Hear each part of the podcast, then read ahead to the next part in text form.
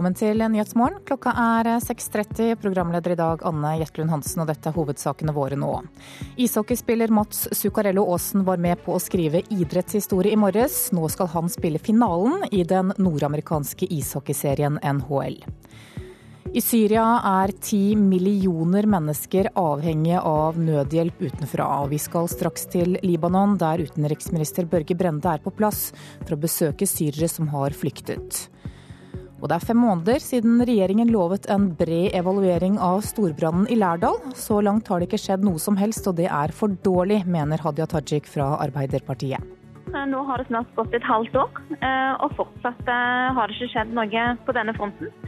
Hvor lang tid tar det egentlig å nedsette et utvalg? Starter denne sendinga med sport, for ishockeyproff Mats Zuccarello Aasen blir første nordmann som får spille en finale i den nordamerikanske serien. Det er klart etter at laget hans, New York Rangers, seiret i natt.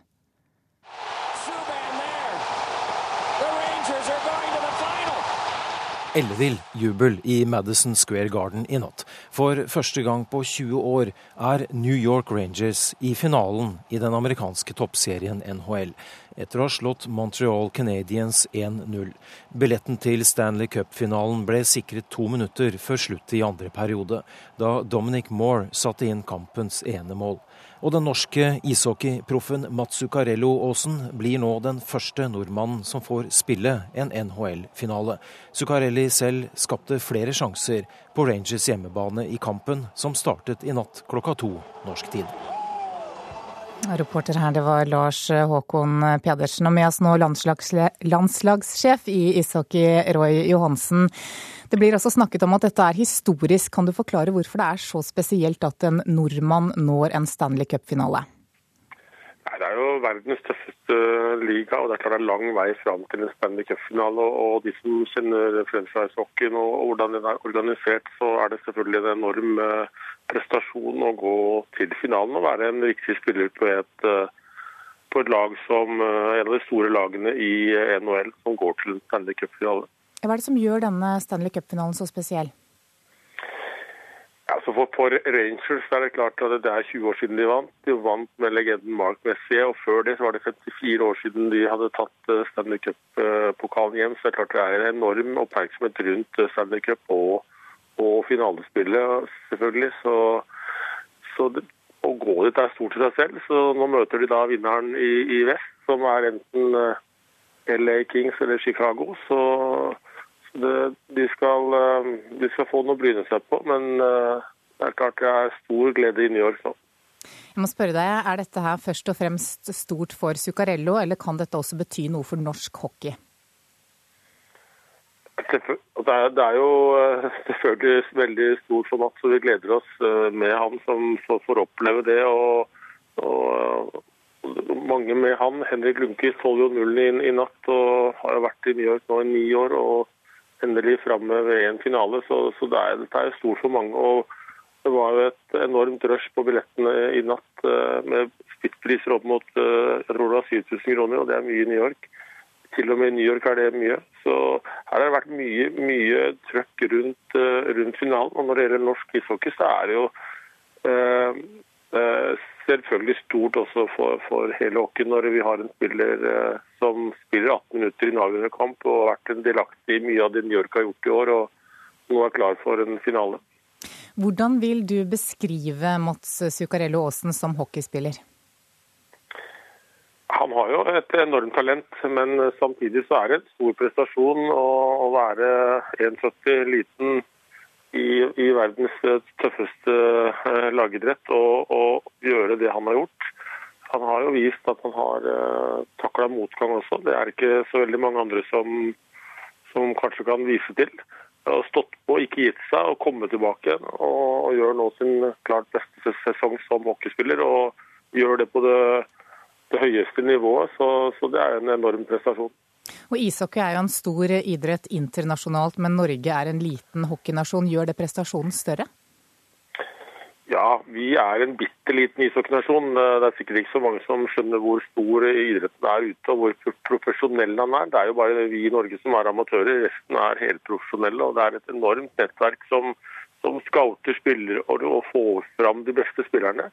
Samtidig som vi kommer fra et land som, hvor det knapt holder ishallene oppe. I hvert fall i Oslo-området. Så, så, han har jo ikke hatt Otsen med seg, men har likevel klart å gå hele veien. Så, så, det er jo veldig imponerende. Hele historien rundt uh, Zuccarello er jo imponerende, sånn som det har uh, fram til nå. Landslagssjef i ishockey Roy Johansen, takk for at du var med direkte her i Nyhetsmorgen. Valgprosessen i de politiske partiene må bli mer demokratisk. Det mener lederen for Sosialistisk Ungdom, Andreas Halse. Han mener en liten elite i partiene har for mye makt på bekostning av velgerne. Stadig færre er medlemmer i partiene, stadig færre er aktive i partiene, og enda færre deltar aktivt i partienes nominasjonsprosesser. Det betyr at vi har hatt en ekstrem monopolisering av politisk makt fra velgerne og til de innerste partielitene de siste ti årene. En håndfull mennesker avgjør i realiteten hvem som skal representere oss på Stortinget, mener Halse. Nå går den avtroppende SU-lederen inn for primærvalg i fylkene. Å gi alle medlemmene i partiet muligheten til å stemme på den kandidaten de syns er best, og hvem som da skal toppe stortingslista. Dermed kan det også bli mer attraktivt å være medlem i et politisk parti, sier Halse. Valgforsker Bernt Årdal ser også svakheter ved dagens nominasjonsprosess. Det er uh, veldig få som er med på å bestemme hvilke personer som skal uh, kunne velges til Stortinget. Ved lokalvalg har velgerne mulighet til å endre på listene, mens det i praksis ikke er mulig ved stortingsvalg. Så Det betyr at det at det er for det første partimedlemmer bare som får lov å være med i nominasjonene, og det at det er en heller ikke alle partimedlemmer som er med, gjør at det blir en veldig liten andel av befolkningen som da velger ut hvem som skal bli våre tillitsvalgte. Men primærvalg hvor partiets medlemmer får delta, er heller ikke uproblematisk. Det kan være vanskelig å få til balanse med hensyn til kjønn, alder, yrkesbakgrunn og politiske interesser, mener Årdal. Eirik Løkke er rådgiver i den liberale tankesmien Civita. Jeg syns det er en veldig spennende idé. Han er enig med Halse i at det er for få som er involvert i nominasjonsprosessen. Velgerne kan selvsagt avgjøre hvilke partier de vil stemme på, men de har veldig liten eh, innflytelse over hvilke mennesker som skal representere oss. Det er det største problemet. Arbeiderpartiets Martin Kolberg liker forslaget fra SU-lederen dårlig. Og hvis man svekker svekker denne autoriteten til partiene, så vil man svekke demokratiet og skape mer ustabilitet. Slik at jeg er grunnleggende uenig i det. Det stemmer nok at det er få som deltar i prosessen, men I Norge så stemmer vi på partiene. Det er partiene folk forholder seg til, mye mindre enn personer. Og det er veldig sunt. I et system som da skulle være en såkalt åpen nominasjon, hvor velgerne skulle kunne være med og bestemme hvem som skal representere, så vil du veldig fort få veldig populistiske innslag. Andreas Halse er imidlertid ikke redd for verken trynefaktor eller personfokusering. Jeg tror det her er et system som vil fungere utmerket. Gi oss flere forskjellige typer politikere og åpne opp de politiske beslutningene, sånn at flere mennesker kan delta. Reportere her var Katrin Hellesnes, David Krekling og Anne Mone Nordahl. Og du kan lese hva Andreas Halse selv skriver om forslaget i Ytring på nettsidene våre nrk.no. I Syria så er nå ti millioner mennesker avhengige av nødhjelp utenfra. Det utgjør halvparten av dem som fortsatt ikke har rømt fra landet. Og utenriksminister Børge Brende skal i dag besøke syriske flyktninger i Libanon, for dem er det mange av. Og Brende, i hvilken grad får disse ti millioner syrerne mat, rent vann, medisiner og beskyttelse? Det er dessverre flere millioner av de som får eh, veldig begrensa mer humanitær hjelp. Jeg var forrige dagen i Tyrkia, inn mot grensa til Syria, og møtte barn som akkurat hadde kommet ut. Mange av de som eh, var eh, både avmagra, vært dårlig kosthold. Det er forferdelige forhold inn i Syria. Så vi må nå legge større vekt på også få hjelp over grensa og inn i de områdene eh, som er ramma. Ja, kommer mat f.eks. frem til de områdene som kontrolleres av opprørerne? Det er veldig varierende. Nå er det mest nødhjelp som kommer inn i de Assad-dominerte områdene. I de områdene som opposisjonen eh, kontrollerer, så er det varierende. Og de mest ekstreme bruker jo Eh, nødhjelp og humanitær hjelp i en politisk sammenheng og nekter eh, tilgang, som er helt uakseptabelt. Derfor får vi disse forholdene med eh, til tusenvis av barn som har eh, dødd. Og vi ser at forholdene nå eh, dessverre blir eh, verre. Så det må legges stor vekt nå, også gjennom FN, å presse på for eh, å få økt tilgang til den humanitære hjelpen. Noe mer enn halvparten av befolkninga som er igjen i Syria, ikke og trenger humanitær assistanse. Men hva kan FNs sikkerhetsråd gjøre for eksempel, da, dersom det ikke skjer at eh, mat og medisiner ikke kommer frem? Det er et godt spørsmål. FNs sikkerhetsråd vedtok en resolusjon 2139 for noen måneder siden som la stor vekt på å øke tilgangen. Dette er jo i tråd med internasjonal rett. Det har ikke skjedd mye positivt etter det. Jeg tror vi må tenke annerledes og komme inn med nødhjelp over grensa. Og jobbe veldig bevisst med humanitære organisasjoner. Men, da, men det er jo et sikkerhetsspørsmål knytta til dette, selvsagt. fordi eh, man kan ikke ta risiko for de humanitære hjelpearbeiderne. Dette illustrerer jo eh, at i det 21. århundret så har man en eh, humanitær katastrofe med tre millioner mennesker som har flykta, ti millioner mennesker som nå trenger humanitær hjelp. Og det er begrensa med hjelp som man får inn. Så det er enda viktigere Eh, å få til en politisk løsning, for det er bare en politisk løsning eh, som er mulig nå eh, i Syria, så sammensatt som det har blitt. Nabolandene har tatt imot millioner av flyktninger, og din tyske kollega Frank Walter Steinmeier er også i Libanon, slik som du er. Han sier at Tyskland skal ta imot ytterligere 10 000 flyktninger fra Syria, i tillegg til de 20 000 som landet allerede har sagt at de tar imot. Norge skal altså ta imot 1000 syriske flyktninger i år. Hvorfor kan ikke vi også ta imot flere? Norge har jo dobla de kvoteflyktningene som vi tar imot fra 500 til 1000. Og sammenligna med våre naboland, Danmark, Finland og mange andre europeiske land, så tar vi imot flere eh, i forhold til eh, folketallet. Men vi må jo vurdere dette fortløpende også. Det som har vært viktig for Norge, det er å kombinere det å ta imot eh, kvoteflyktninger i Norge med at vi er den sjette største internasjonale giveren i hele området. I tillegg så har vi påtatt oss et stort ansvar når det gjelder å frakte kjemiske våpen ut av Syria, så at de ikke kan brukes mot sivilbefolkninga igjen. Takk skal du ha, utenriksminister Børge Brende. Da skal vi se hva avisene har på forsidene sine i dag. Vi er marinert i kjemikalier, er overskriften i Dagens Næringsliv. Nordmenn har rundt 400 syntetiske kjemikalier i blodet. Giften kommer fra mat, klær, leker, møbler, elektronikk, luft og vann. Dagsavisen skriver at ombyggingen av veisystemet i Bjørvika i Oslo skaper store problemer for utrykningskjøretøy som blir sittende fast i kø. Ifølge brigadesjefen i brannvesenet så kan dette i verste fall koste menneskeliv.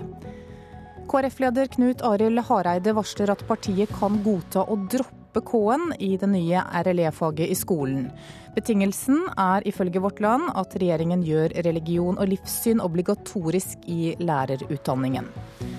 Jordbruksoppgjøret er oppslaget i både Klassekampen og Nasjonen i dag. En landbruksanalytiker sier til Klassekampen at KrF og Venstre følger Fremskrittspartiets landbrukspolitikk mer enn sin egen i avtalen om oppgjøret for bøndene. Mens Nasjonen forteller om melkebøndene Helene og Svein Ivar Strømsmoen som likevel får pensjon når de fyller 62 år, etter at pensjonsavtalen i jordbruksoppgjøret er reddet. Snøhetta tegner en ny opera, skriver Aftenposten, og denne gang er det den nye operaen i Sør-Korea det er snakk om.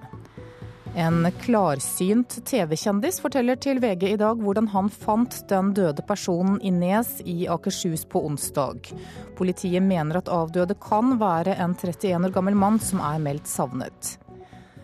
Femåringer i en rekke barnehager på Sørlandet skal få bedre oppfølging, det skriver Fedrelandsvennen. Årsaken er at forskere mener at dårlige levekår en rekke steder i Agder skyldes at barna stiller svært ulikt når de begynner på skolen.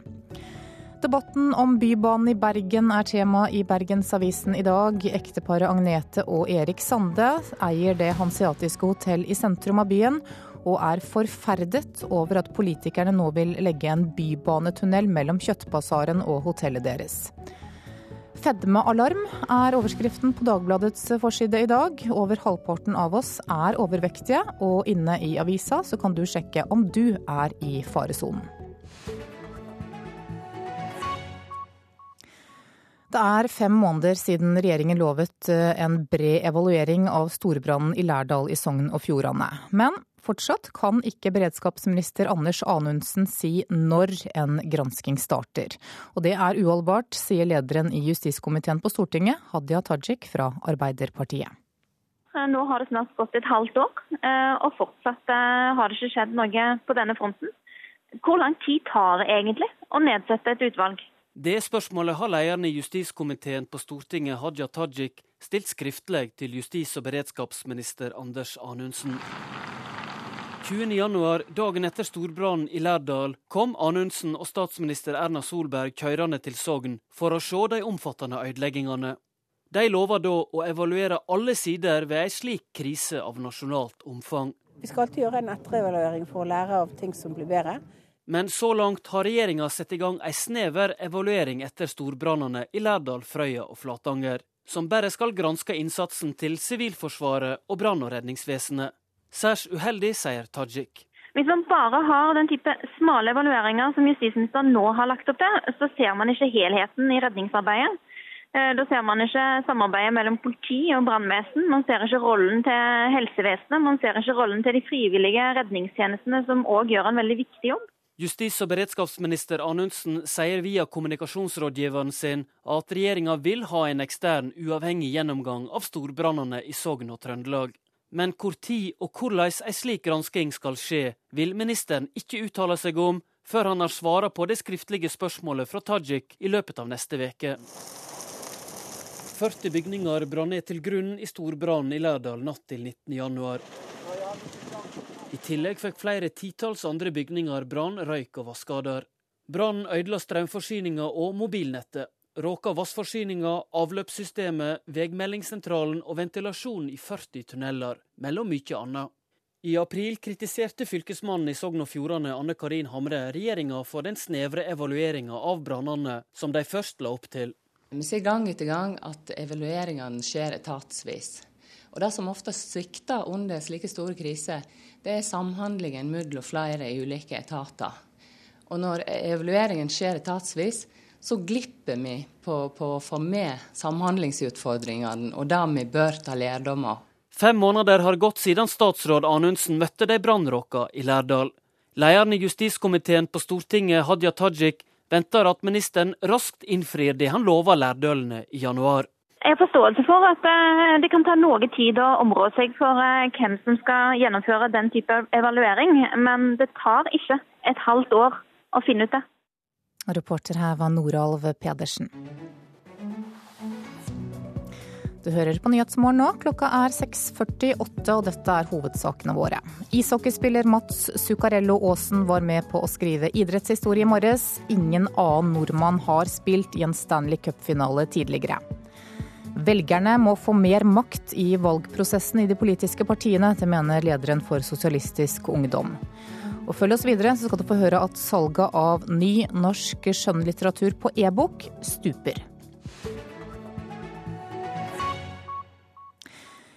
Mange av oss tror at støy gjør oss mindre konsentrerte, men det stemmer ikke, i hvert fall ikke for alle. Den svenske psykologen og forskeren Gøran Søderlund ved Høgskolen i Sogn og Fjordane har nemlig funnet ut at barn med ADHD presterer bedre med støy på øret. De har svårt å få det til, og de har svårt å sitte stille. Og når læreren gir lange muntlige instruksjoner, så er de borte vekk etter 15 sekunder eller 10 sekunder. Derfor var jeg interessert i å se hvordan deres oppmerksomhet ser ut, og hvordan man skulle kunne hjelpe dem. Og det er denne lyden han tror kan hjelpe barn med diagnosen ADHD. Forskninga som Gøran Søderlund ved Høgskolen i Sogn og Fjordane har gjennomført, syner at konsentrasjonen og læringa deres blir bedre. Men at det er slik, overrasker også forskeren. For å gjøre en lang historie kort, så hadde jeg feil på alle mine hypoteser. Altså, de skulle være mer lettstørte, så blir de jo mye bedre av det her white noise-støyet. Han trodde barna med ADHD ville gjøre det dårligere enn andre barn på hukommelsestester, spesielt om de fikk inn et uromoment som støy. Men der tok han feil. Barn med ADHD har lavere dopaminnivå. Det stoffet styrer aktiviteten i hjernen. Forskningsfunnene tyder på at svake hjernesignal blir forsterka av støyen, og Søderlund tror dette påvirker nervesystemet. Det virker som støyet i hjernen gjør samme sak som dopamin. Og det får nervcellene i hjernen å prate litt bedre med hverandre. I forsøkene brukte de lyden fra en gammel TV som går i svart. Til nå er det bare denne lyden han har testa, men Søderlund tror lyden av brusende fosser kan ha lignende effekt. Det viktigste er at lyden kommer på slump. Og forskeren tror at slik støy også kan gjøre at andre presterer bedre. Og det viser seg at de her effektene av støy de, de fungerer jo på alle som har dårlig oppmerksomhet, som det virker. Eller ikke alle, det fins ingenting som noensinne fungerer på alle. Men en stor grupp av dem verkar det här fungera på. Så det henger ikke sammen med en diagnos eller ikke. Nå arbeider han med å lansere en app der du og jeg kan teste om støy er noe som bedrer vår konsentrasjon. Eh, og så kan du sitte med det når du gjør skolearbeid. Nackdelen er da at, at uh, du kanskje ikke hører hva læreren sier. og sånn. men... ADHD er en nevrologisk forstyrring som i stor grad er arvelig, og diagnosen er livsvarig. Men en kan få bedre kontroll over symptomer ved hjelp av medisin. Mange blir bedre av medisin, men medisinbruken er også omstridt. Og på ti år har medisinbruken tredobla seg. Søderlund håper støyen kan være et nytt hjelpemiddel. Medisinske hjelpemidler, farmakologiske hjelpemidler, det er jo så å si stimulerende preparat, altså amfetaminliknende preparat, der, der en virkningsmekanismen påvirker dopaminsystemet. og ge till framförallt barn före puberteten att ge psykofarmaka. Eh, det är många som reagerar på det, så kan man hitta andra vägar så är det ju väldigt intressant. Då. Det är i alla fall en möjlighet att hitta då icke-farmakologiska vägar. Och då får vi se hur det går. Reporter var Eva Marie Felde. Norske lesere låner nå nesten dobbelt så mange norske skjønnlitterære e-bøker som vi kjøper. Forleggerforeningen tror årsaken er at du kan få akkurat de samme bøkene helt gratis med et tastetrykk fra ditt lokale bibliotek. Og nå frykter foreningen at leserne kommer til å slutte å kjøpe norske e-bøker.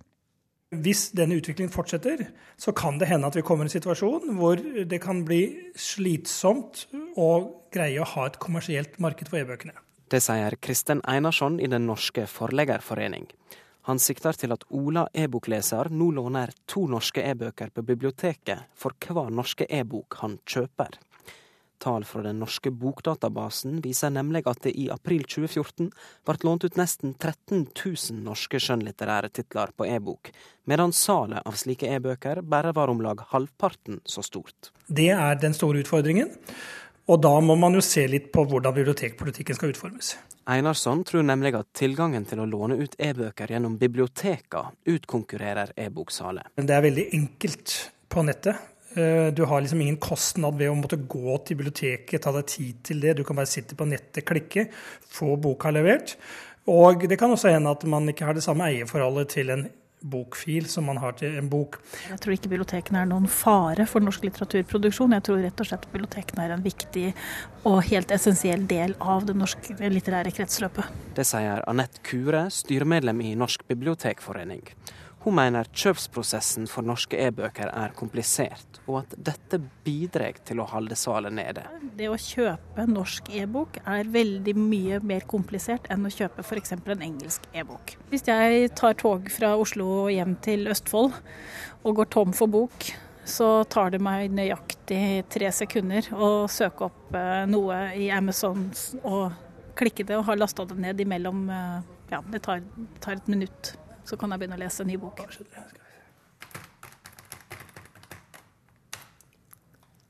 Kristen Einarsson viser hvordan han tinger norske e-bøker på nett. Han er ikke samd i at det er vanskelig. Sånn, da ligger jeg den i handlekurven min. Og så går jeg til kassen. Det er ingen forskjell i hvordan folk rangerer brukervennligheten på norske og utenlandske e-bokløsninger. Det er tidligere blitt fremvalgt som at det er forskjell på. Men om det er skilnad eller ikke, Einarsson mener noe må gjøres for å sikre sal av norske e-bøker. Som forleggere er vi nødt til å ha en inntjening som gjør at forfatterne og vi kan fortsette å gi ut nye bøker. Og Hvordan det gjøres eh, og hvordan det løses, det er det vi må se på. Reporter her det var Lars Ivar Nordahl og Åsta Hoem Hagen. Mange velger å ta seg fri på dager som i dag, såkalte inneklemte fridager etter helligdager. Helt greit, mener folk vi har snakket med. Det er vel egentlig greit. Det blir vel litt rart å komme tilbake på jobb eller skole eh, etter en fridag. Jeg tenker i utgangspunktet at det er OK, at man tar ansvar for hva man trenger å jobbe og når man kan ta seg fri, og at det er en anledning til å ta fridager. I dag er det mange som kommer til å unnlate å møte på jobb. Såkalte inneklemte fridager, arbeidsdager etter helligdager, har en tendens til å skape tomme kontorlandskaper. Det sier forsker Asbjørn Grimsmo ved Norsk arbeidsforskningsinstitutt. Alle registreringer som vi har, f.eks. når det gjelder eh, trafikk, så tyder jo på at eh, folk er ute av byen eh, på de inneklemte dagene. Grimsmo tror derimot ikke at det er et stort problem at mange tar seg en ekstra fridag. Det er jo sol og fint vær ute, eh, og det kan godt tenkes at mange har veldig godt av å ta seg en lengre weekend med familie, venner men ikke alle tar seg fri selv om de ikke møter på kontoret. Mange velger f.eks. å ta med seg jobben på hytta. Men det er ikke alle som kjøper at hyttearbeiderne faktisk gjør det de skal. Det kommer veldig an på hvem det gjelder. Noen gjør nok jobben sin på hytta, og andre har nok lettere for å ta seg fri. Det er vel kanskje litt vanskeligere nå, nå som det er så uvanlig fint vær. Eh, men eh, det er jo noe godt med at vi har eh, fått sånn type teknologi at vi kan ha det koselig, ikke sitte på et klamt kontor. Men der tar folket feil, mener Grimsmo, som sier at mange jobber bedre borte fra kontoret. Vi ser det at en del av de som da har stor frihet til å jobbe når som helst og hvor som helst, de har en tendens til å jobbe mer enn det som er avtalt arbeidstid. Reporter her, det var Henrik Agledal.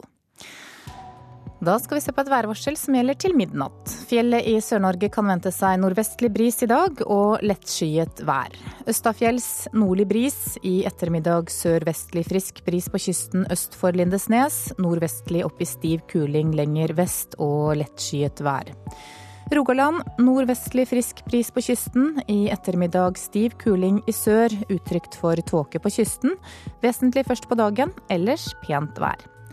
Hordaland og Sogn og Fjordane nordlig frisk bris på kysten. I ettermiddag kan hende liten kuling. Pent vær, men utrygt for tåke på kysten, vesentlig først på dagen. Møre og Romsdal skiftende bris, fra i ettermiddag nordlig opp i frisk bris. Tåke eller tåkeskyer på kysten, ellers mest pent vær. Trøndelag må belage seg på sørvestlig bris på kysten først på dagen, senere nordvestlig opp i frisk bris. Pent vær, men lokal tåke eller tåkeskyer på kysten. Fra i ettermiddag er det ventet lokale regnbyger. Nordland og Troms på kysten perioder med nordlig friskbris i Nordland, nordøstlig i Troms. Stort sett pent vær, men mulighet for tåkeskyer på kysten. Finnmark solgangsbris på kysten, perioder med tåkeskyer langs kysten i vest. Ellers pent vær, og i kveld er det ventet noe mer skyer i sør. Nordensjøland på Spitsbergen. Bris omkring vest. Litt regn eller sludd. I kveld opphold og lettere skydekke. Så tar vi med noen temperaturer som ble målt klokka fem. Da hadde Svalbard lufthavn tre grader. Kirkenes åtte. Vardø sju. Alta åtte. Tromsø-Langnes sju. Bodø, Brønnøysund og Trondheim-Værnes hadde ti grader. Molde ni. Bergen-Flesland åtte. Stavanger ni. Kristiansand-Kjevik 8, Gardermoen 11. Lillehammer 13, Røros 2, og på Oslo-Blindern så var det 15 plussgrader da klokka var fem i morges. Når det gjelder temperaturutsiktene, så er det ventet uendret eller litt lavere temperatur i Sør-Norge. I resten av landet er det ventet eh, uendret temperatur. Og så minner vi om at det er lokalt stor skogbrannfare nå, både i Møre og Romsdal og i Sør-Trøndelag. NRK P2. Norge kan komme til å ta imot flere syriske flyktninger, sier utenriksminister Børge Brende. Ishockeystjerna Mats Zuccarello Aasen skal spille NHL-finale. En stor prestasjon ifølge den norske landslagstreneren. Her er NRK Dagsnytt klokka sju.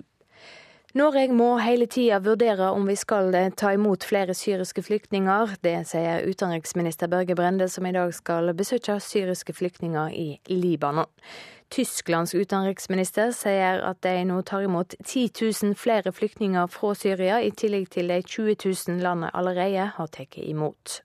Norge har jo dobla de kvoteflyktningene som vi tar imot fra 500 til 1000, og sammenligna med våre naboland, Danmark, Finland og mange andre europeiske land, så tar vi imot flere eh, i forhold til eh, folketallet. Men vi må jo vurdere dette fortløpende også. Det som har vært viktig for Norge, det er å kombinere det å ta imot eh, kvoteflyktninger i Norge med at vi er den sjette største internasjonale giveren i hele området.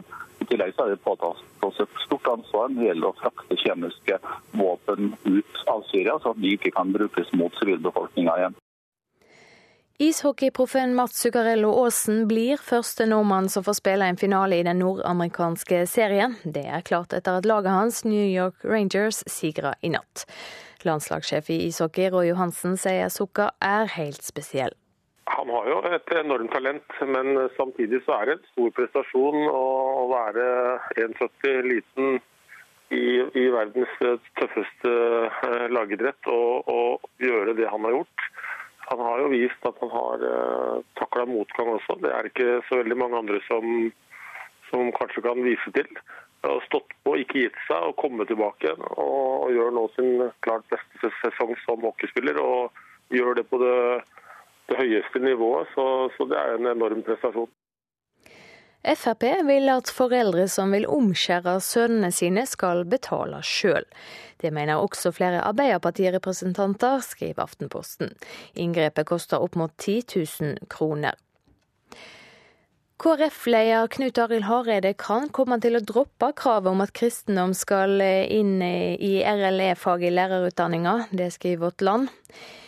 I samarbeidsavtalen med Høyre og Frp fikk KrF gjennomslag for å ha med ordet kristendom i fagnavnet religion, livssyn og etikk. Nå sier altså Frp at de kan droppe ordet kristendom dersom RLE-faget blir obligatorisk for alle lærerstudenter. NRK Dagsnytt var ved Silje Sande. Klokka er 7.03. Nyhetsmorgen fortsetter med Anne Jetlund Hansen i studio. Dette er hovedsakene nå. Snart åpner et nytt stykke motorvei på E18, men det betyr også at du må betale mer bompenger. Seks milliarder kroner kan bli prisen på gulrøttene som staten har lovet kommuner som vil slå seg sammen. Og Israel har suspendert en soldat etter at to mindreårige palestinere ble drept på den okkuperte Vestbredden. Om en drøy måned så åpner et nytt stykke firefelts motorvei på E18 mellom Tønsberg og Sandefjord i Vestfold. Det gir mye bedre forhold for bilistene, men til høsten så kommer også flere nye bomstasjoner på denne strekningen. Snart koster en biltur fra Oslo til Kristiansand og tilbake bortimot 350 kroner bare i bompenger. Og det er altfor mye, synes Øyvind Larsen. Det syns jeg ikke noe om i det hele tatt. For at det er eh, bompenger generelt syns jeg er en feil ting å bygge ut veiene på. Den 4. juli åpner et nytt stykke E18 mellom Tønsberg og Sandefjord. Dermed kan du kjøre på firefelts motorvei fra Oslo og ned gjennom nesten hele Vestfold. Det er den gode nyheten. Den dårlige er de fire nye bomstasjonene som kommer på strekninga i høst. Med de to som er der fra før, må du da betale seks ganger og til sammen 77 kroner fra Tønsberg til grensa mot Telemark.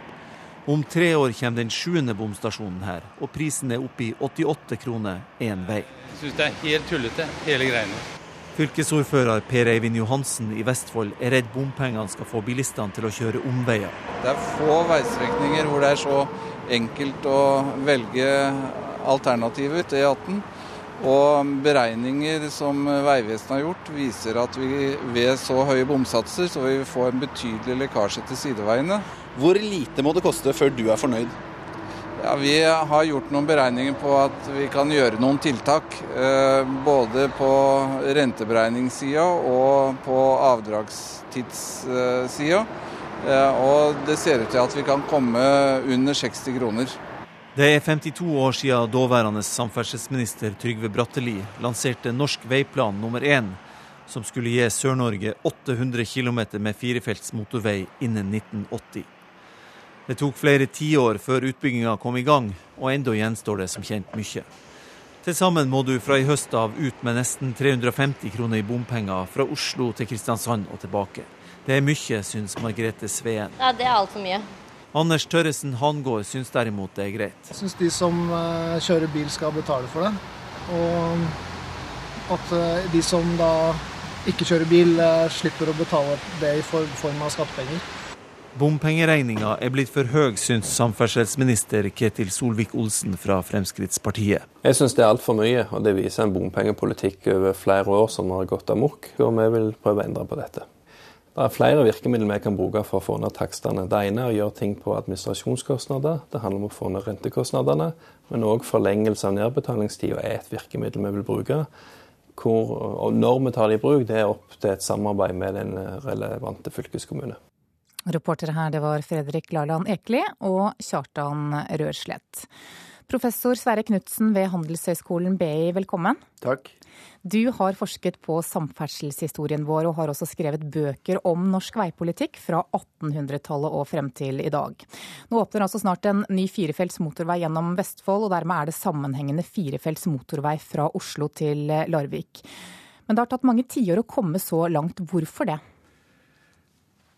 For det første, til den eh, reportasjen, så var det faktisk ikke Norsk veiplan som ble vedtatt i 1962, den ble vedtatt i 1971.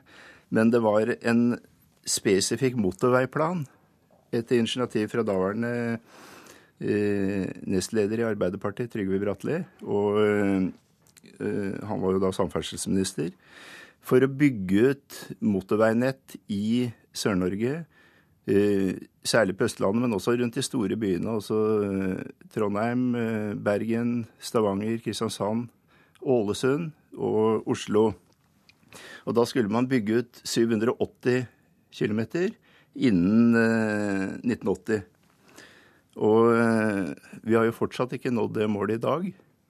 Og det var jo særlig i perioden fra 1970 og fram til, eh, til 1995 eh, så skjedde det ingen verdens ting når det gjaldt å realisere den planen. Det ble regelrett lagt i skuffen. Hvorfor det egentlig? Jo, grunnen til det eh, For det første så var det distriktspolitiske hensyn. Det var helt grunnleggende. og Samferdselsminister i Borten-regjeringen han ønska egentlig ikke å bygge motorveier. Han ønska ikke å realisere denne planen. Ønska å bruke pengene på andre med distriktsrelaterte prosjekter, og ikke bygge ut noe stamveinett. Han var rett og slett eh, mest interessert i å bygge små, eh, småflyplasser, for å si det sånn. Og for andre så har den med den politiske strukturen i Norge å gjøre. Eh, det er en konflikt mellom det som skjer på Østlandet, og hvor det er, ligger til rette for utbygging av den typen transportsystemer, og, eh, og eh, på øvrige deler av landet, som for øvrig er eh, sterkere representert politisk enn en f.eks. Oslo-området er. Og det betyr at lokale hensyn har vært grunnleggende i den sammenhengen. Så det handler om politisk vilje da, rett og slett, til å bygge ut? Ja, også politisk struktur på mange måter. Altså, det er sånn Norge er skrudd sammen politisk. Så, og dessuten så fikk vi også et alternativ som var ganske, ganske ille. og Vi fikk eh, utbygging av såkalt motorvei B, som også Kyllingmark eh, eh, fikk i stand som alternativ til motorveiutbygginga. Og det er jo disse, disse, veiene som ikke har midtskiller, og som der du har oppi 90 km fart, og, og, som rett og slett er dødsveier. Og, og de ble bygd ut i relativt stort omfang. Og, og blei en veldig dårlig ting når det gjelder eh, trafikksikkerheten. Sverre Knutsen, professor ved Handelshøyskolen BI, takk for at du kom hit til eh, Nyhetsmorgen. Regjeringen gir kommunene en historisk god mulighet til å slå seg sammen. Det sier Geir Vinsand i Nivi Analyse. Han har regnet på hvor mye penger kommunene får dersom de går med på sammenslåinger Til min store overraskelse så har jeg kommet til at bare omstillingstilskuddene til kommunene i forbindelse med reformen kan beløpe seg til fem til seks milliarder kroner. Faktisk over seks milliarder. Inne på kontoret sitt hos Nivi Analyse har han finregna på hvor mye staten har lovt å gi kommuner som vil slå seg sammen. Han har sett på to scenarioer. Hvis vi ser for oss at hver kommune i Norge finner seg en nabokommune og slår seg sammen med den, altså at vi får ca. 200 sammenslutninger, så snakker vi altså om en, en, en engangsutbetaling fra staten på 5,4 milliarder kroner. Eller? Hvis kommunene går et skritt lenger og innfører en regionkommunemodell, så er bare omstillingskostnadene fra stat, sett fra statens side, utbetalingene til de kommunene, 6,2 milliarder kroner. Det NIVI har regna på er bare engangsstøtten som gis til kommuner som slår seg sammen. I tillegg får kommunene beholde f.eks. småkommunetilskudd i 15 år etter at de er slått sammen. De får 100 000 kroner til innbyggerhøring og får dekka utgifter til prosjektorganisasjon ved en sammenslåing. Altså Hvis dette hadde vært i Danmark f.eks., så ville de ikke fått betalt omstillingsstøtte i det hele tatt. Det fikk ingen av de danske kommuner. De fikk lov å beholde gevinstene, men de fikk ingen av disse milliardbeløpene. Et eksempel på omstillingsstøtte. Hvis Bodø kommune innlemmer de 566 innbyggerne på Røst, vil det utløse 60 millioner kroner i en engangsutbetaling. Tor Arne Andreassen er ordfører på Røst. Ja, det var jo et, et, et uh, hyggelig beløp. Uh, det, er store tall og mye penger. altså Det kan hende at det kan være interessant, men vi må få tid å utrede og se på det, hva, hva det kan innebære. Da det regjeringsoppnevnte Vabo-utvalget i vår la frem sin første kommunerapport, foreslo de å gå fra 428 til rundt 100 kommuner. Beregningene fra NIVI, som ender med en prislapp på 6,2 milliarder, tar også utgangspunkt i at man skal ende på rundt 100 kommuner. Vinsaren mener regjeringa nå gir kommunene en historisk mulighet. Det har aldri eksistert så positive insentiver for kommunesammenslutning i Norge. Det er heller aldri forekommet i noe nordisk land, og jeg vil tro at det finnes heller ikke andre land som kan stille opp med så, eh, så mye lottomillioner som her skal spres rundt på kommunene. NIVI har altså regna ut hva regjeringas gulrøtter kan komme til å koste staten. Det har ikke kommunalminister Jan Tore Sanner gjort. Vi setter ikke noe pris på eh, kommunesammenslåingene. Vi gir derimot gode økonomiske insentiver. Når Sanner snakker om kommunesammenslåing, bruker han ofte ord som gulrøtter og frivillighet. Mens ordfører i Namsos kommune, Morten Stene, ordlegger seg sånn her. Det er jo en tvangssituasjon vi blir stilt overfor, fordi at vi eh, i løpet av våren 2016 må kommunestyrene i de forskjellige kommunene ha behandla en sånn type sammenslåing. Skal vi få de midlene du snakker om? Og gjør vi ikke det, så får vi ingenting. Jeg opplever at eh, de fleste kommunene nå ser hvilke utfordringer Kommune-Norge står overfor i de kommende tiår, eh, og har en positiv holdning til eh, kommunereformen. Og skal vi få den gjennomført, så må vi ha litt tempo. Da må vi sette noen frister, og vi må ha noen økonomiske virkemidler. Og det, det koster selvsagt for, for staten, men det gir gode velferdstjenester til innbyggerne. Reportere her det var Halvard Norum og Eva Marie Bulai. Kommunesammenslåing skaper sterke følelser hos mange, og et ordføreropprop mot sammenslåing med over 100 ordførere startet i Skiptvet kommune i Østfold. Og ordfører der, Svein Olav Agnalt, du er altså mannen bak dette oppropet. Skiptvet kan få 80 millioner kroner ekstra som følge av en sammenslåing. Hva kan du få for disse pengene? Det er jo ikke riktig at Skiptvet kan få 80 millioner kroner. Eh, det er riktig at den eh, kan få det til eh, seks kommuner i Indre Østfold hvis den slår sammen disse kommunene. Men det utgjør altså 2,5% av det årlige budsjettet for disse kommunene, og det er en engangsstøtte. Altså 1500 kroner per innbygger, og dette, dette frister ikke meg. Så du har råd til å si nei til de pengene? Eh, jeg sier ikke nei. Det er lokalsamfunnet som skal få lov til å bestemme over disse tingene. I Skiptvet så vel som andre steder. Eh, hele reformprosessen må baseres på frivillighet, og så er det folk som skal få bestemme. Men hvis ingen vil slå seg sammen, hvordan kan man basere det på frivillighet da? Ja, nå er Det jo sånn at det er ikke noe folkelig rop om eh, sammenslåing av kommuner.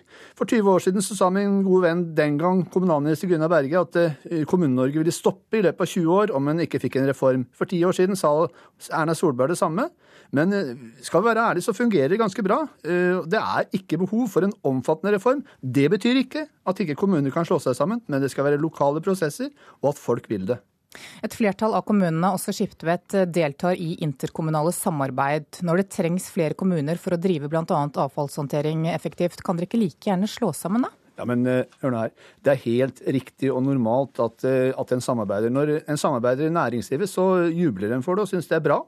Eh, når kommuner gjør det, så er det sånn nesten halvkriminelt. Dette er riktig og nødvendig, og de som bruker interkommunalt samarbeid mest, det er faktisk de store kommunene. Oslo er den som gjør det mest i Norge.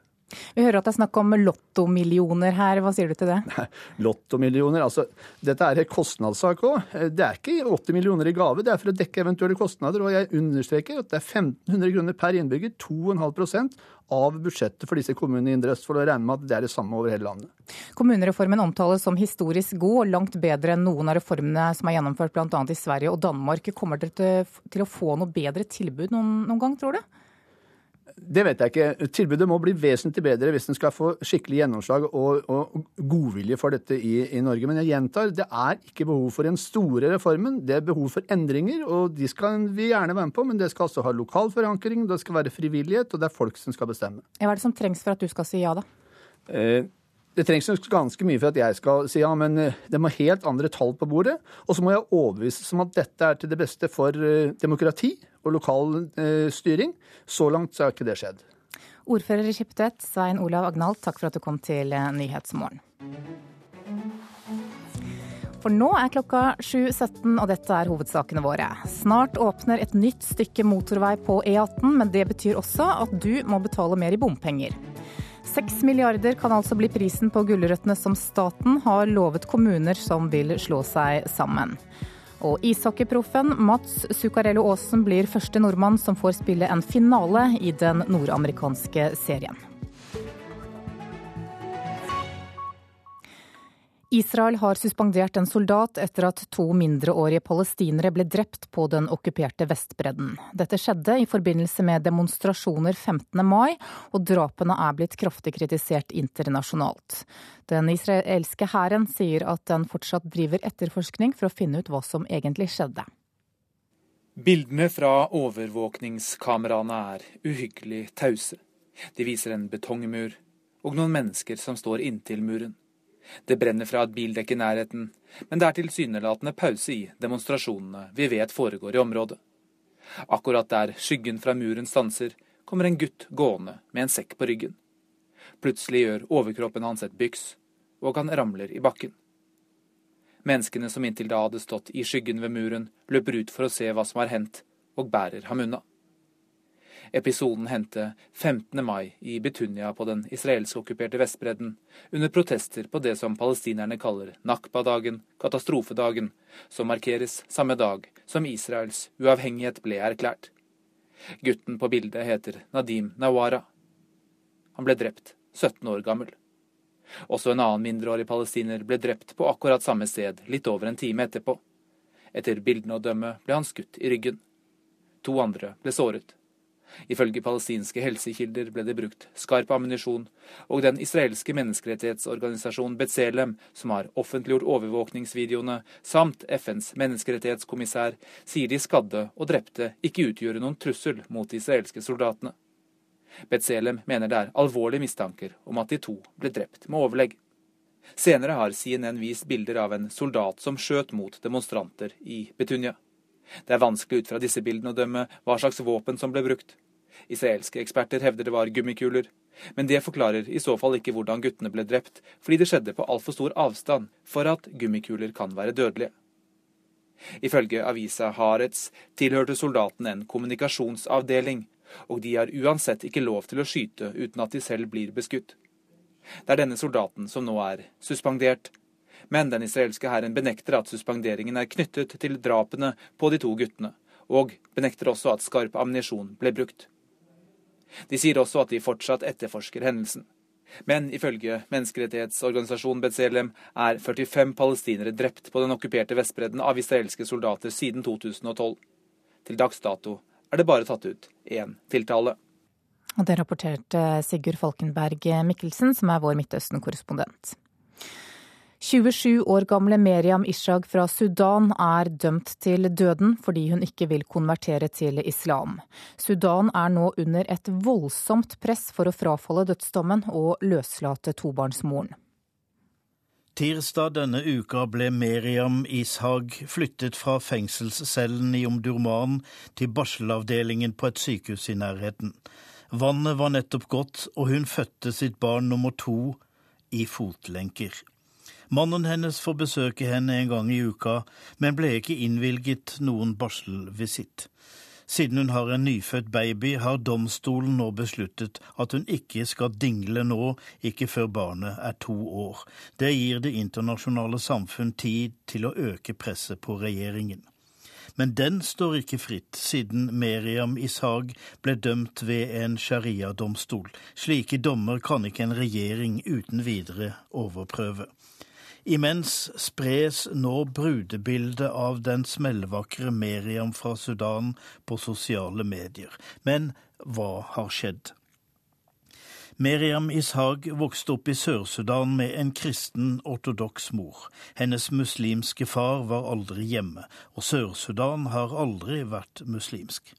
I voksen alder flyttet hun nordover til Sudan og giftet seg med en kristen mann. Det var det mest naturlige.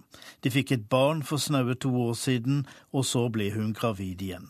Da meldte hennes familie Meriam til politiet. Grunnen er en familiekonflikt ingen vil snakke høyt om. Omstendighetene er for teologisk viderekommende. Siden faren var muslim, ble hun også regnet som muslim. Men det har hun aldri vært. Faren var aldri hjemme, i motsetning til hennes ortodokse mor. Det forklarte Meriam shariarettens dommerpanel. Jeg er ikke muslim, sa Meriam. Jeg har alltid vært kristen. Det er dødsdom for å konvertere fra islam til en annen religion. Men jeg har ikke konvertert, sier Meriam. Jeg ble oppdratt av min kristne mor. Jesus mot Mohammed. Meriams argumenter hjalp ikke i kampen mot en religiøs justis. I tillegg ble hun idømt 100 piskeslag for å ha forlatt islam. Mens Meriam Ishag er i ferd med å bli en kristen martyr, har det internasjonale samfunnet våknet. FN-jurister sier at det er ingen forbrytelse å velge eller skifte religion. Det står i FNs menneskerettighetserklæring som Sudan har undertegnet. Norske myndigheter har tatt avstand fra straffen, USA er dypt bekymret, Canada er sjokkert. Sudanske myndigheter sier ikke annet enn at alt er vel med barnet. Det kan man ikke si om moren. Det sa utenriksmedarbeider Tom Christiansen. Norske veteraner har samlet inn over 3000 underskrifter for å påvirke myndighetene til å la den afghanske tolken Faisullah Muradi få opphold i Norge. Det skriver Dagsavisen. Tirsdag ble Muradi sendt til Italia, og statsminister Erna Solberg varslet dagen etter at det kan bli aktuelt å se på regelverket. Veteranene mener at Norge har en plikt til å behandle asylsøknaden til Muradi fordi han har slåss for Norge med norske våpen og med norsk flagg på skulderen. Da skal vi se hva avisene har på forsidene sine i dag. Vi er marinert i kjemikalier, det er overskriften i Dagens Næringsliv. Nordmenn har rundt 400 syntetiske kjemikalier i blodet. Giften kommer fra mat, klær, leker, møbler, elektronikk, luft og vann. Dagsavisen forteller at ombyggingen av veisystemet i Bjørvika i Oslo skaper store problemer for utrykningskjøretøy som blir sittende fast i kø. Ifølge brigadesjefen i brannvesenet så kan dette i verste fall koste menneskeliv. KrF-leder Knut Arild Hareide varsler at partiet kan godta å droppe K-en i RLE-faget i skolen. Betingelsen er ifølge Vårt Land at regjeringen gjør religion og livssyn obligatorisk i lærerutdanningen. Jordbruksoppgjøret er oppslaget i både Klassekampen og Nasjonen i dag. En landbruksanalytiker sier til Klassekampen at KrF og Venstre følger Fremskrittspartiets landbrukspolitikk mer enn sin egen i avtalen om oppgjøret for bøndene. Mens Nasjonen forteller om melkebøndene Helene og Svein Ivar Strømsmoen som likevel får pensjon når de fyller 62 år, etter at pensjonsavtalen i oppgjøret er reddet. Snøhetta tegner ny opera, det skriver Aftenposten. Denne gangen så er det den nye operaen i Sør-Korea det er snakk om. En klarsynt TV-kjendis forteller til VG i dag hvordan han fant den døde personen i Nes i Akershus på onsdag. Politiet mener at avdøde kan være en 31 år gammel mann som er savnet. Femåringer i en rekke barnehager på Sørlandet skal få bedre oppfølging, det skriver Fedrelandsvennen. Årsaken er at forskere mener at dårlige levekår en rekke steder i Agder kan skyldes at barna stiller svært ulikt når de begynner på skolen. Debatten om Bybanen i Bergen er tema i Bergensavisen i dag. Ekteparet Agnete og Erik Sanda eier det hanseatiske hotell i sentrum av byen, og er forferdet over at politikerne nå vil legge en bybanetunnel mellom Kjøttbasaren og hotellet deres. Fedmealarm er overskriften på Dagbladets forside i dag. Over halvparten av oss er overvektige, og inne i avisa så kan du sjekke om du er i faresonen. Det er på tide å gjøre uteserveringene røykfrie. Det mener både Kreftforeningen og Astma- og Allergiforbundet. Søndag så er det ti år siden røykeloven ble innført i Norge, og røykerne måtte ut for å ta seg en røyk. Jeg er Norges siste røyker, jeg. Derfor liker ingen meg. Hei, hei. Slik hørtes det ut blant resignerte røykere i 2004. En helseminister fra Kristelig Folkeparti har sørget for at de ikke lenger får røyke inne på serveringssteder. Røyk er på vei ut, det er det ingen tvil om. Så eh, vi har truffet trenden med denne loven. På søndag er det ti år siden Dagfinn Høybråten fikk innført røykeloven. Og selv om det skapte stort rabalder den gang Jeg vil få det mye verre enn jeg har det i dag. Virker de aller fleste til å være godt fornøyde i 2014. Det som jeg opplever når uh, røykeloven først kom, så var jeg kjempeskeptisk til den. Uh, men jeg opplever at det, egentlig som røyker så opplever jeg at det bare Det er ikke, det er ikke vært negativt for meg i det hele tatt. Men røykerne som nyter sigarett og sol på en uteservering på Torshov i Oslo, sitter ikke trygt. Nå tror jeg tiden er moden etter ti år for å gå neste skritt, og også gå til uteserveringen. Generalsekretær i Norges astma- og allergiforbund, Trond Solvang, vil også bli kvitt røyking på uteservering. Når vi da i tillegg til dagens områder som er omfattet av røykeloven, også ønsker at den skal gjelde for f.eks. uteservering, så er det kun for å utvide området som kan være tilgjengelig for mennesker som er plaget av røyk, og det er det mange som er, og at mennesker skal kunne sitte på en uteservering i sola og kose seg uten å bli eh, plaget og berørt av passivrøyking. Kreftforeningen og generalsekretær Anne Lise Ryl er enig i målet om røykfri uteservering. I fremtida så er det det eneste vi røyker i Norge, det er laksen. Men mener det er unødvendig å utvide røykeloven. Vi er ikke på det om å tenke på lovgivning, vi tenker på at dette er noe som veldig mange ønsker, og at det også er restauranter sjøl som ser at hvis de har det tilbudet, så vil de tiltrekke seg masse folk som ellers ikke ville komme. Og det vil være god for deres business, og det vil være bra også for deres ansatte, i tillegg til, til gjestene. Enn så lenge sitter latteren løst i solskinnet på Torshov. Men mange liker dårlig forslaget om et røykeforbud også ute. Da må jeg flytte meg litt, gå på gata eller noe. da. De som røyker må få lov å være noen plasser. Det hadde vært verre hvis det hadde vært inne, eh, men er det ute, så er det noe som forsvinner veldig fort. Så jeg, jeg personlig blir ikke plaget av folk som røyker ute. Det er å friske luften. og jeg tenker Nå sitter vi her på en uterestaurant, og det er et eh, bord som står veldig nære gata. De kanskje skal sjekke eksosen på bilene som kjører forbi, for det syns jeg er hakket verre enn en frisk sigar. Ja, og reporter her, det var Philip André Bårøy. Klokka nærmer seg 7.30 og Dagsnytt. I reportasjen etter det skal, skal det handle om det evigvarende rockebandet Rolling Stones, som nå er på turné igjen og feirer 50-årsjubileum. Hva er det egentlig som driver dem, lurer vi på. Og I Politisk kvarter så er landbruksminister Sylvi Listhaug på plass. I studio hos programleder Bjørn Myklebust. Temaet er naturlig nok jordbruksoppgjøret. Produsent for Nyhetsmorgen i dag, det er Eli Bjelland. Og her i studio Anne Jetlund Hansen.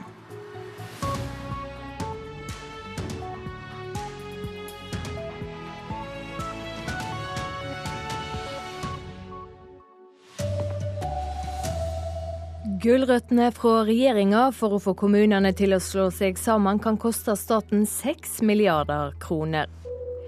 Snart blir det seks bomstasjoner på E18 fra Tønsberg til grensa mot Telemark. Bompengepolitikken har gått amok, mener samferdselsministeren. Og skurrende støy på ørene letter læringa for barn med ADHD, viser ny forskning. God morgen, her er NRK Dagsnytt klokka 7.30. Først i denne sendinga skal vi høre at i natt ble drømmen virkelig for ishockeyproffen Mats Zuccarello Aasen. Han blir første nordmann som får spille finale i den nordamerikanske ishockeyserien NHL. Laget hans, New York Rangers, slo Montreal Canadiens i Madison Square Garden og vant 4-2 i semifinalekamper. Eh, nei, det er ganske spesielt. Eh, det er bare noe man har drømt om før, og nå skjer det, så det er, det er stort. Nordmann spilte 18 minutter i kampen som førte Rangers til den aller største finalen for klubblag i verden. Dominic Moore skåra det eneste målet i oppgjøret. Landslagssjef i ishockey Roy Johansen forteller hvorfor dette er veldig stort i verdensbyen New York. For Rangers er det klart at det er 20 år siden de vant. De vant med legenden Mark Messier, og før det så var det 54 år siden de hadde tatt eh, Stanley Cup-pokalen hjem. Det er klart det er stor glede i New York nå. Man har vel egentlig en drøm om å vinne, så drømmen er vel ikke oppnådd ennå. Men uh, får nyte det her i kveld og, og litt i morgen, og så får vi være tilbake på scratch og, og kjøre på.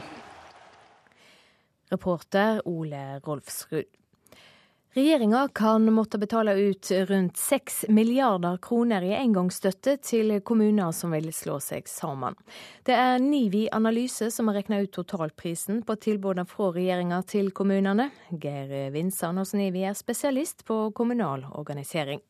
Det har aldri eksistert så positive insentiver for kommunesammenslutning i Norge. Det er heller aldri forekommet i noe nordisk land, og jeg vil tro at det finnes heller ikke andre land som kan stille opp med så mye lottomillioner som her skal spres rundt på kommunene. Inne på kontoret sitt hos Nivi Analyse har han finregna på hvor mye staten har lovt å gi kommuner som vil slå seg sammen.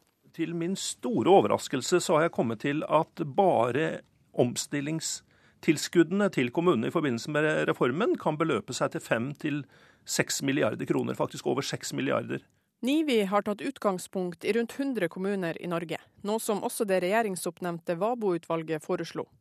Hvis f.eks. Bodø kommune innlemmer de 566 innbyggerne på Røst, vil det utløse 60 millioner kroner i omstillingsstøtte. Tor Arne Andreassen er ordfører på Røst.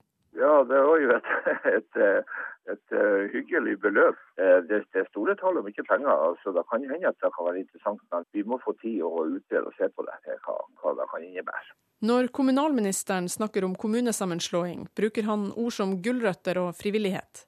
Mens ordfører i Namsos kommune, Morten Stene, ordlegger seg sånn her.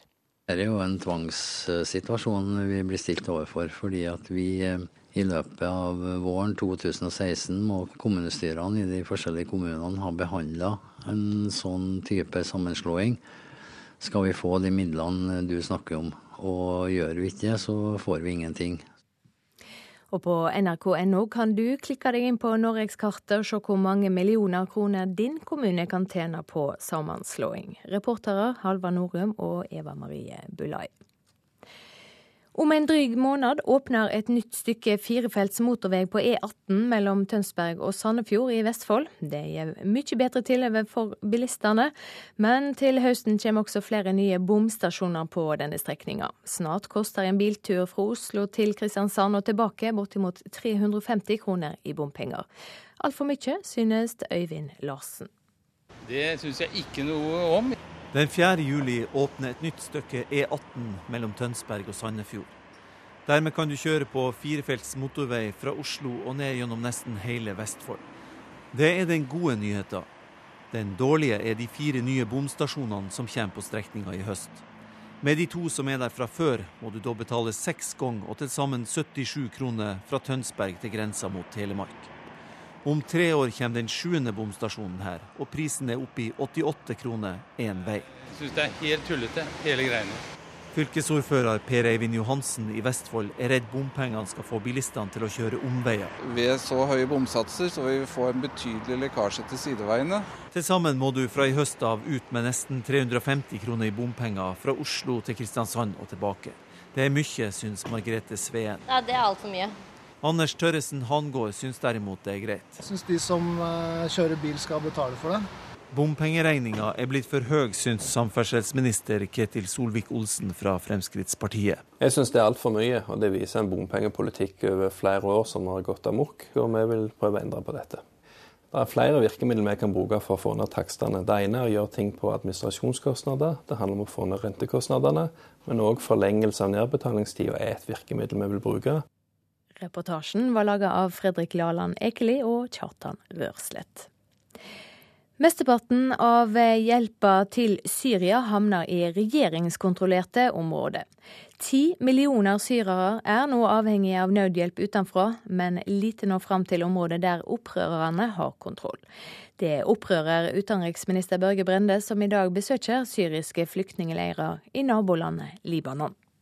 Nå er det mest nødhjelp som kommer inn i de Assad-dominerte områdene i de områdene som opposisjonen eh, kontrollerer, så er det varierende.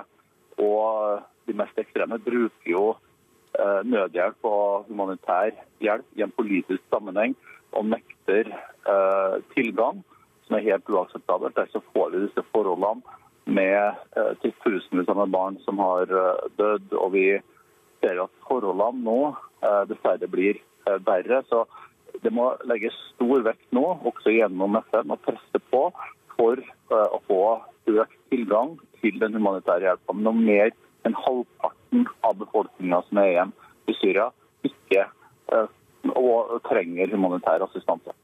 Og Nabolandet har til nå tatt imot to millioner flyktninger fra Syria. Norge skal ta imot 1000 syriske flyktninger. Valgprosessen i de politiske partiene må bli mer demokratisk, det mener leder for Sosialistisk Ungdom, Andreas Halse. Han mener en liten elite i partiene har fått for mye makt på kostnad av velgerne. Halse ser til USA. Han vil ha primærvalg der alle partimedlemmer skal kunne røste på hvem som skal være partiene sine toppkandidater. På den måten vil det også bli mer attraktivt å være medlem i et politisk eh, parti, og vi kan flytte makt tilbake til folk. Mange tror støy ødelegger konsentrasjonen, men det stemmer ikke, i hvert fall ikke for alle. Den svenske psykologen og forskeren Gøran Søderlund ved Høgskolen i Sogn og Fjordane har nemlig funnet ut at barn som har ADHD, presterer bedre med skurrende støy på øret. Det virker som støyet i hjernen gjør samme sak som dopamin. Og det får nervcellene i hjernen til å prate litt bedre med hverandre. Med denne lyden på øret blir konsentrasjonen til barn med diagnosen ADHD bedre. Det syner forskninga fra psykolog Gøran Søderlund. Barn med ADHD har lavere dopaminnivå. Det stoffet styrer aktiviteten i hjernen. Forskningsfunnene tyder på at svake hjernesignal blir forsterka av støyen, og Søderlund tror dette påvirker nervesystemet. Og det viser seg at de her effektene av støy de, de fungerer på alla som har dårlig oppmerksomhet som det verkar. Så det henger ikke sammen med en diagnos eller ikke. Tall fra organisasjonen ADHD i Norge peker på at om lag 35 000 barn og unge har diagnosen. ADHD er en nevrologisk forstyrring som i stor grad er arvelig, og diagnosen er livsvarig. Men en kan få bedre kontroll over symptomer ved hjelp av medisin. Mange blir bedre av medisin, men medisinbruken er også omstridt. Søderlund håper støyen kan være et nytt hjelpemiddel. Medisinske hjelpemidler, farmakologiske hjelpemidler, det er jo så å si stimulerende preparat, altså amfetaminliknende preparat, der, der en virknings mekanismen då påverkar dopaminsystemet och ger till framförallt barn före puberteten att ge psykofarmaka. eh, det er mange som reagerer på det, så kan man hitta andre vägar så er det jo veldig interessant. Då. Det er i alle fall en mulighet å finne ikke-farmakologiske Och Det får vi se hur det går. Det sa psykolog og forsker Gøran Søderlund ved Høgskolen i Sogn og Fjordane. Reporter her, det var Eva Marie Felde. Ansvarlig for eh, Dagsnytt denne morgenen, Eirik Haugen. Teknisk ansvarlig, Hanne Lunås. Her i studio, Silje Sande.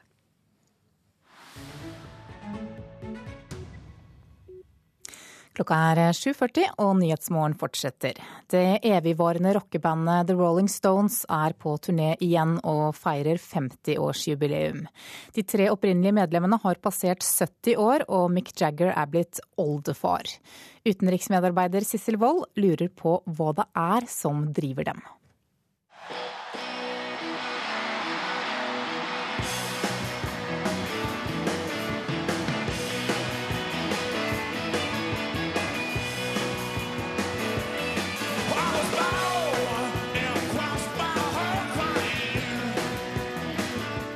Hvordan er det mulig, tenkte jeg da jeg så snart 71 år gamle Mick Jagger på scenen i over to timer løpe, danse, vrikke seg og hoppe opp og ned som en 25-åring.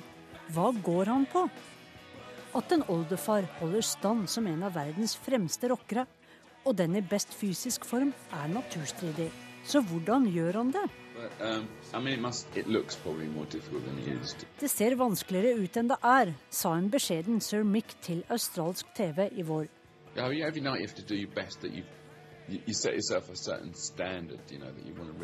Hver kveld må du gjøre ditt beste.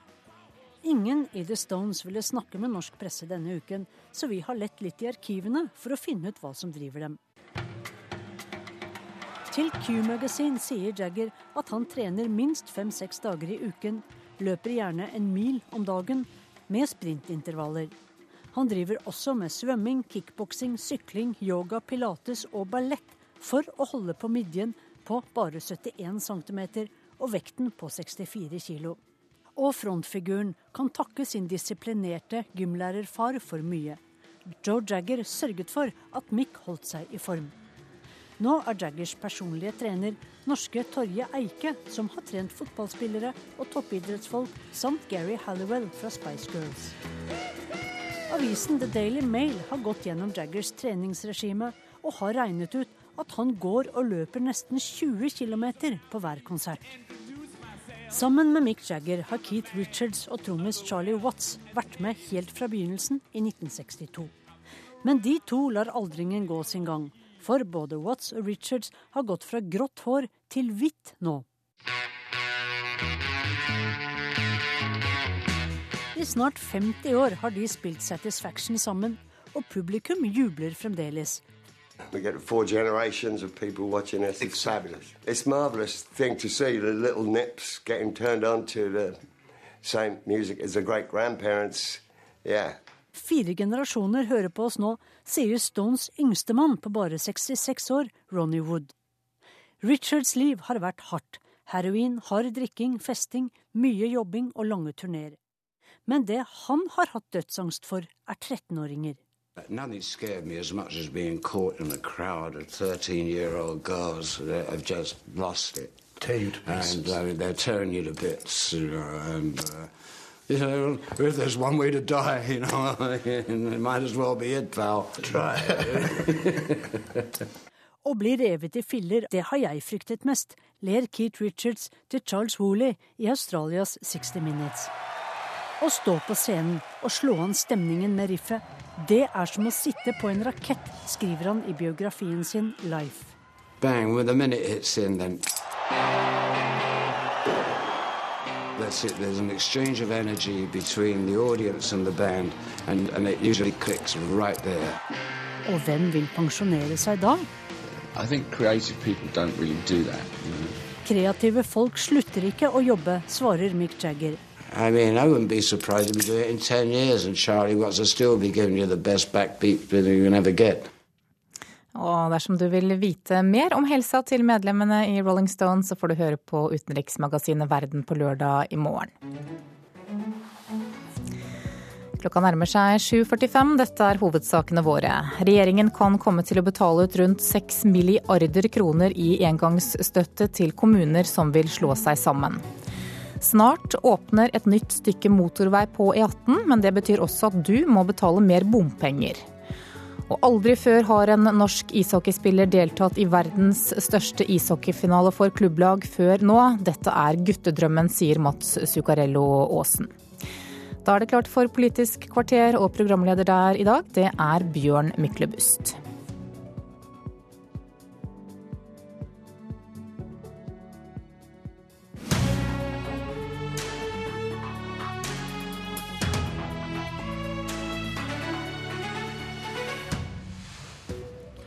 Jeg vet hva hun vil svare, men jeg stiller spørsmålet likevel. Er hun som sitter på andre siden av bordet, en svekket statsråd?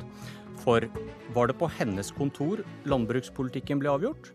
Vil det være det i fremtiden etter det som skjedde på Stortinget onsdag kveld? Velkommen til Politisk kvarter, Sylvi Listhaug. Tusen takk for det. Arbeiderpartiets Knut Storberget må tåle mye mobbing etter at han for en uke siden følte at han styrte landbrukspolitikken fra sitt kontor. Det gikk ikke slik. Men landbrukspolitikken ble vel ikke utformet på ditt kontor heller? landbruksminister Sylvi Listhaug? Jo, Premissene for det som nå er vedtatt, ble utvikla på mitt kontor. Og jeg er veldig glad for at vi har fått til en avtale med Venstre og Kristelig Folkeparti som innebærer en ny kursendring for norsk landbrukspolitikk. Som innebærer at vi får gjennomført de største forenklingsgrepene som noen gang eh, har blitt gjort i jordbruksavtalen sin historie. Og som vil føre til at bøndene får bestemme mer og staten mindre. Og Det var det som var hovedutgangspunktet for det oppgjøret som jeg la fram. Bøndene får 250 millioner kroner mer enn du ville gi dem, og små bruk får mer enn du ville gi dem.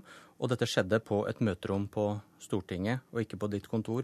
Når du tidligere advarte mot sitat, 'løsninger som undergraver forhandlingsinstituttet', hva mente du? Nei, Nå har vi funnet en løsning som jeg mener innebærer at forhandlingsinstituttet vil leve videre. Hva var det du mente da, når du advarte mot løsninger som undergraver forhandlingsinstituttet? Nei, Det er klart at det er jo en utfordring at, at bondeorganisasjonene ser at bare de protesterer høyt nok, eh, så kan en gå til Stortinget og få mer i potten. Og det, har de gjort nå, og da blir vel forhandlingsinstituttet undergravd, da, eller? Nei, fordi at oss i denne avtalen her har veldig klart forankra at den skal eh, videreføres, og det kommer vi til eh, å gjøre. Hva, som, hva, hva mente du med det? Nei, Vi kommer jo til neste år å gå inn i forhandlinger og basere da tilbudet fra staten på de merknadene som ligger i jordbruksoppgjøret for i år. Det som jeg syns er viktig for meg å si, er at i utgangspunktet syns regjeringa det at eh, bønder nå får i overkant. Fordi at vi ønsker å gi det som var den samme lønnsutviklinga som andre grupper sykepleiere og hjelpepleiere. De får nå mer, fordi Venstre og KrF ønsker det. Men det kan vi leve med, fordi vi får igjen så mye annet. F.eks. så har vi nå fått dobla melkekvotene, som gjør at melkeprodusenter nå kan satse større. De kan investere, de kan ta ut mer i markedet. Og det gir helt nye muligheter for mange melkebruk rundt omkring i hele landet. I tillegg så har vi altså fått eh, til forenklingsgrep som er de største i historien. Det vil bety at vi vil spare byråkrati i mange av disse ordningene som vi har her, så er det både kommuner, fylkesmenn og Statens landbruksforvaltning inne. Noen saker går også til rettsapparatet. Slik at dette vil bety også mindre byråkrati. Du var inne på en liten setning der, for i avtalen mellom de borgerlige partiene står det at du i neste oppgjør må ta hensyn til hvordan dette oppgjøret ble. Og Betyr ikke den lille setningen at du mister mye makt? Nei, absolutt ikke. Du må jeg da mener... føre og foreslå en helt annen politikk enn det du egentlig vil neste år. For ellers så blir du igjen overkjørt av Stortinget, og bøndene kan bare titte på opposisjonspolitikerne? Ja, Nå er ikke vi overkjørt. Vi har jo faktisk fått gjennomslag for de viktigste kursendringene som lå i oppgjøret. Nemlig at de som lever av å være bonde på heltid, de skal få bedre betalt. Det er dette opplegget. Vi har fått gjennomslag for eh, å doble melkekvotene, som gjør at eh, de som ønsker å satse større, skal få lov til det. Og det var jo noe av drivkreftene i det tilbudet som staten la fram. Så ønsker Venstre og KrF å gi mer til de små. Det har de fått lov til. Og Dermed har vi fått fram et godt kompromiss som jeg tror alle partene kan være godt fornøyd med. Men det undergraver altså ikke forhandlingsinstituttet, selv om du advarte mot det? Nei da, for nå har vi funnet en veldig god vei videre. Vi kommer til å samarbeide godt i åra som kommer. Og jeg er jo veldig glad for at Knut Storberget nå er parkert inne på kontoret sitt ganske ensom. Fordi at eh, landbrukspolitikken i Norge styres nå eh, av de fire borgerlige partiene. Ensom på Elverum, leder i Senterpartiet Trygve Slagsvold Vedum. Er det en svekket statsråd? Ja, selvfølgelig er det det. Altså, her viste jo Bondelaget med all tydelighet at den var sterkere eh, når det kom til stykket, når de brøt, enn det Listhaug var. For at Listhaug hadde for dårlig kontakt med Stortinget. Visste ikke, tydeligvis ikke hvor flertallet på Stortinget var. Og det var, visste tydeligvis Bondelaget bedre enn statsråden. Og det har aldri skjedd før at Stortinget har gått inn på den måten vi har, vi har gjort de siste dagene. Vi Begynt å styre landbrukspolitikken i detalj. Og at man har økt tilbudet med 250 millioner fra det staten kom med. Den eneste gangen det har vært en sånn endring fra brudd til uh, stortingsbehandling, var når uh, Johan C. Løken fra Elverum måtte gå av og Finn T. Isaksen kom inn som landbruksminister i 83. Så det har aldri tidligere skjedd. Og det er 80% av budsjettet til Listhaug går gjennom jordbruksoppgjøret. Og nå har hun blitt detaljstyrt fra et kontor på Stortinget. Men det er ikke rart, for i fjor så lanserte jo Frp kutt på over 5 milliarder. Vi, vi, har en landbruksminister som aktivt har jobba mot næringa, som kalte det systemet hun nå forvalter, kommunisme. Men heldigvis så har hun nå blitt detaljstyrt fra Stortinget, og selvfølgelig vet Bondelag og Småbrukerlag det nå at de uh, har bedre politisk touch enn det statsråden har. Ja, nei, nå er det sånn at Vi har fått gjennomslag for en kursendring som skal gå noe bort fra det som f.eks. Senterpartiet styrte med i åtte år, der de satt bare og forvalta ting sånn som det alltid hadde vært. Eh, der vi importerte stadig mer sau, lam, storfekjøtt som vi har gode forutsetninger for å, å produsere i Norge. Eh, der vi fikk 9000 færre bruk, og der veldig mye gikk i gal retning. Slik at nå har vi muligheten til å skape mer optimisme i næringa, få unge til å gå inn og satse. Og det er klart denne næringa står foran store utfordringer. Fordi ungdommen i Norge i dag har så mange valgmuligheter til å ta seg høyere utdanning, godt betalte jobber, reise i Nordsjøen, tjene bra, ha mye fri.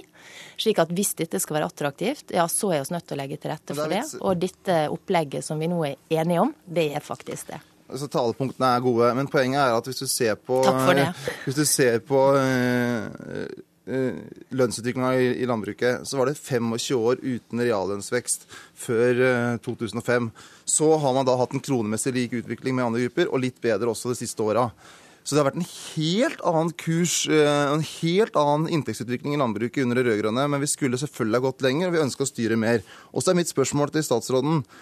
Mener eh, statsråden fortsatt at det var klokt at Frp ønska å kutte over 5 milliarder kroner på ett år i fjor? Mener statsråden fortsatt at det er kommunisme at vi har en landbrukspolitikk som gjør at vi kan bruke hele landet, at vi kan bruke fjord, fjell, at vi kan få unike produkter fra Finnmark i nord til Lindesnes i sør? For det er den politikken du angriper. At eh, vi skal ha et landbruk over hele landet som produserer god norsk kvalitetsmat og som gir store ringvirkninger i en av landets viktigste industrier, næringsmiddelindustrien. Der var det også noen talepunkter? Ja, Det tilbudet som lå inne, det hadde jo inni seg alt dette. Distriktstilskuddet lå fast. Du fikk fremdeles mye mer ute i distriktet enn du gjorde på Jæren og i, i, Trøndelag og andre steder der det er lett å produsere. Så alt det var ivaretatt.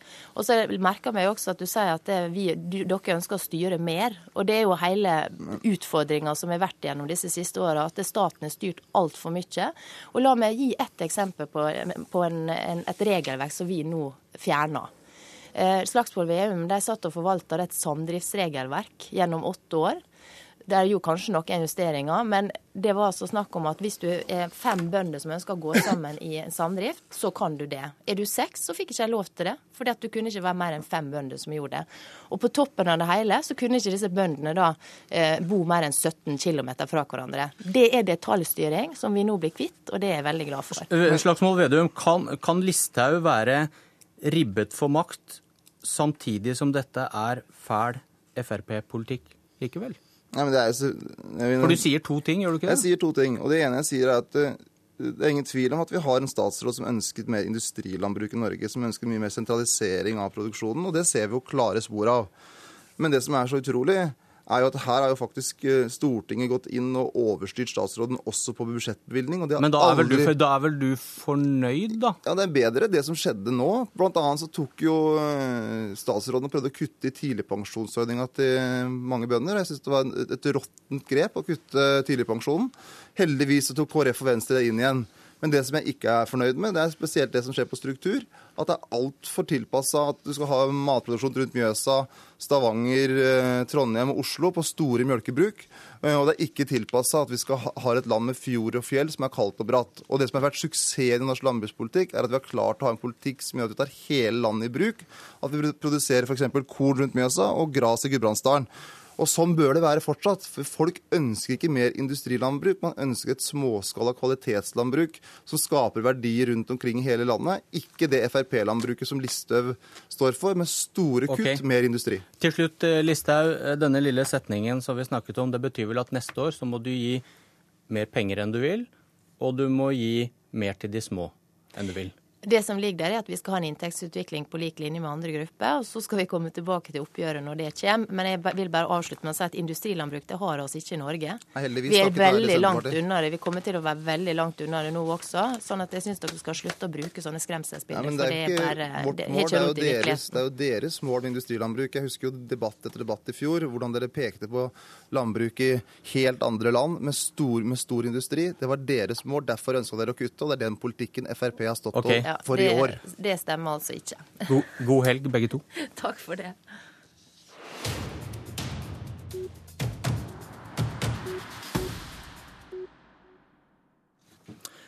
Og hvis du ikke likte politikerne du nettopp hørte, og mannen som kom inn døra nå får det som han vil, da kan du melde deg inn i et parti og stemme direkte på de politikerne du vil skal sitte på Stortinget. Andreas Halse, leder for Sosialistisk Ungdom. Er dette din onde plan for å komme på Stortinget? Eh, nei, altså det som er tanken bak her, er at i dag så er bare 3% av alle velgerne er aktive i et politisk parti. Det er en drastisk nedgang som har skjedd eh, veldig raskt de siste tiårene. Eh, enda færre folk er med i nominasjonsprosessene i forkant av stortingsvalg. Det vil si at den politiske makta i partiene i dag, makta over hvem som representerer oss på Stortinget, den er konsentrert rundt en håndfull personer i hvert, eh, hvert parti. Og så ser vi samtidig en utvikling på Stortinget der politikerne blir stadig likere, stadig mer høyere utdanning og stadig mer partiskole som skal til for å, eh, for å komme inn. Eh, og da tror jeg at det er på tide å spre makta fra en håndfull personer i hvert parti og si at alle medlemmer får innflytelse over hvem som skal toppe partienes lister. Så har man mer å velge mellom enn åtte forhåndsdefinerte kandidater på valgdagen. Hvordan gjør man det? Det er veldig lett å gjøre. Det er at hvem som vil, kan eh, stille til valg for å toppe f.eks. en stortingsliste i en fylke. Og så får alle medlemmene av partilaget i det fylket rett til å stemme over hvilken kandidat de foretrekker. Det vil være en mye mer demokratisk måte, hvor flere mennesker får innflytelse enn det som er modellen i dag. Hvordan sikrer man da at det ikke bare blir menn, f.eks.? Jeg tror det er mulig å sikre med både eh, et regelverk som tar høyde for det, men også eh, intern kultur som gjelder i partiene, som vi har allerede i dag. og så hvis man ser jeg tror, jeg tror også det er, det er Eh, makt, at det sprer makt og å flytte eh, makta fra lukka rom og, og, til åpne organer. Jeg tror det også kan være en fordel for kvinner at de ikke er inne på lukka rom med noen få mennesker, at beslutningene tas. Hvordan hindrer du rene kupp med masseinnmelding rett før en, et slikt valg? Altså, du må jo ha noen regler om hvor lenge man må ha vært med i et parti. Jeg tror ikke det trenger å være så veldig lenge. Eh, at eh, jeg tror det er sunt det, hvis flere velger seg inn i et parti for å fronte sin kandidat. Hva, hva, hva syns du om erfaringene fra Oslo? Der var det jo akkurat det du etterspør. En kamp mellom Heikki Holmås og mm. Akhtar Chaudhry. Mm. Og det ble satt i gang massive vervekampanjer med folk som kanskje ikke var veldig opptatt av politikk? Ja, ja også mange fikk, eh, som aldri hadde vært aktive i politikken før, fikk sitt første møte med politikk og fikk engasjert seg tungt gjennom den kampanjen. Man kan tenke seg at eh, stemmer blir kjøpt i en slik prosess? Ja, altså, Å kjøpe stemmer er ulovlig i Norge, så det håper jeg vi klarer å unngå. Og det er det også regelverk mot å gjøre. Men det vi så der, var jo at mange som ellers aldri hadde vært med på politikk, eh, deltok i en prosess. Det hadde ikke skjedd hvis ikke det var for, eh, for den ordninga. Og så er det jo mange som liksom frykter den massevervinga, men der var det jo også den kandidaten som partiet foretrukk, som var liksom den såkalte sentrumsnære, saklige kandidaten som vant. Ikke det mange så på som liksom den skumle populisten. God eller ond, takk for at du kom, Andreas Halse, til Politisk kvarter. Jeg heter Bjørn Myklebust.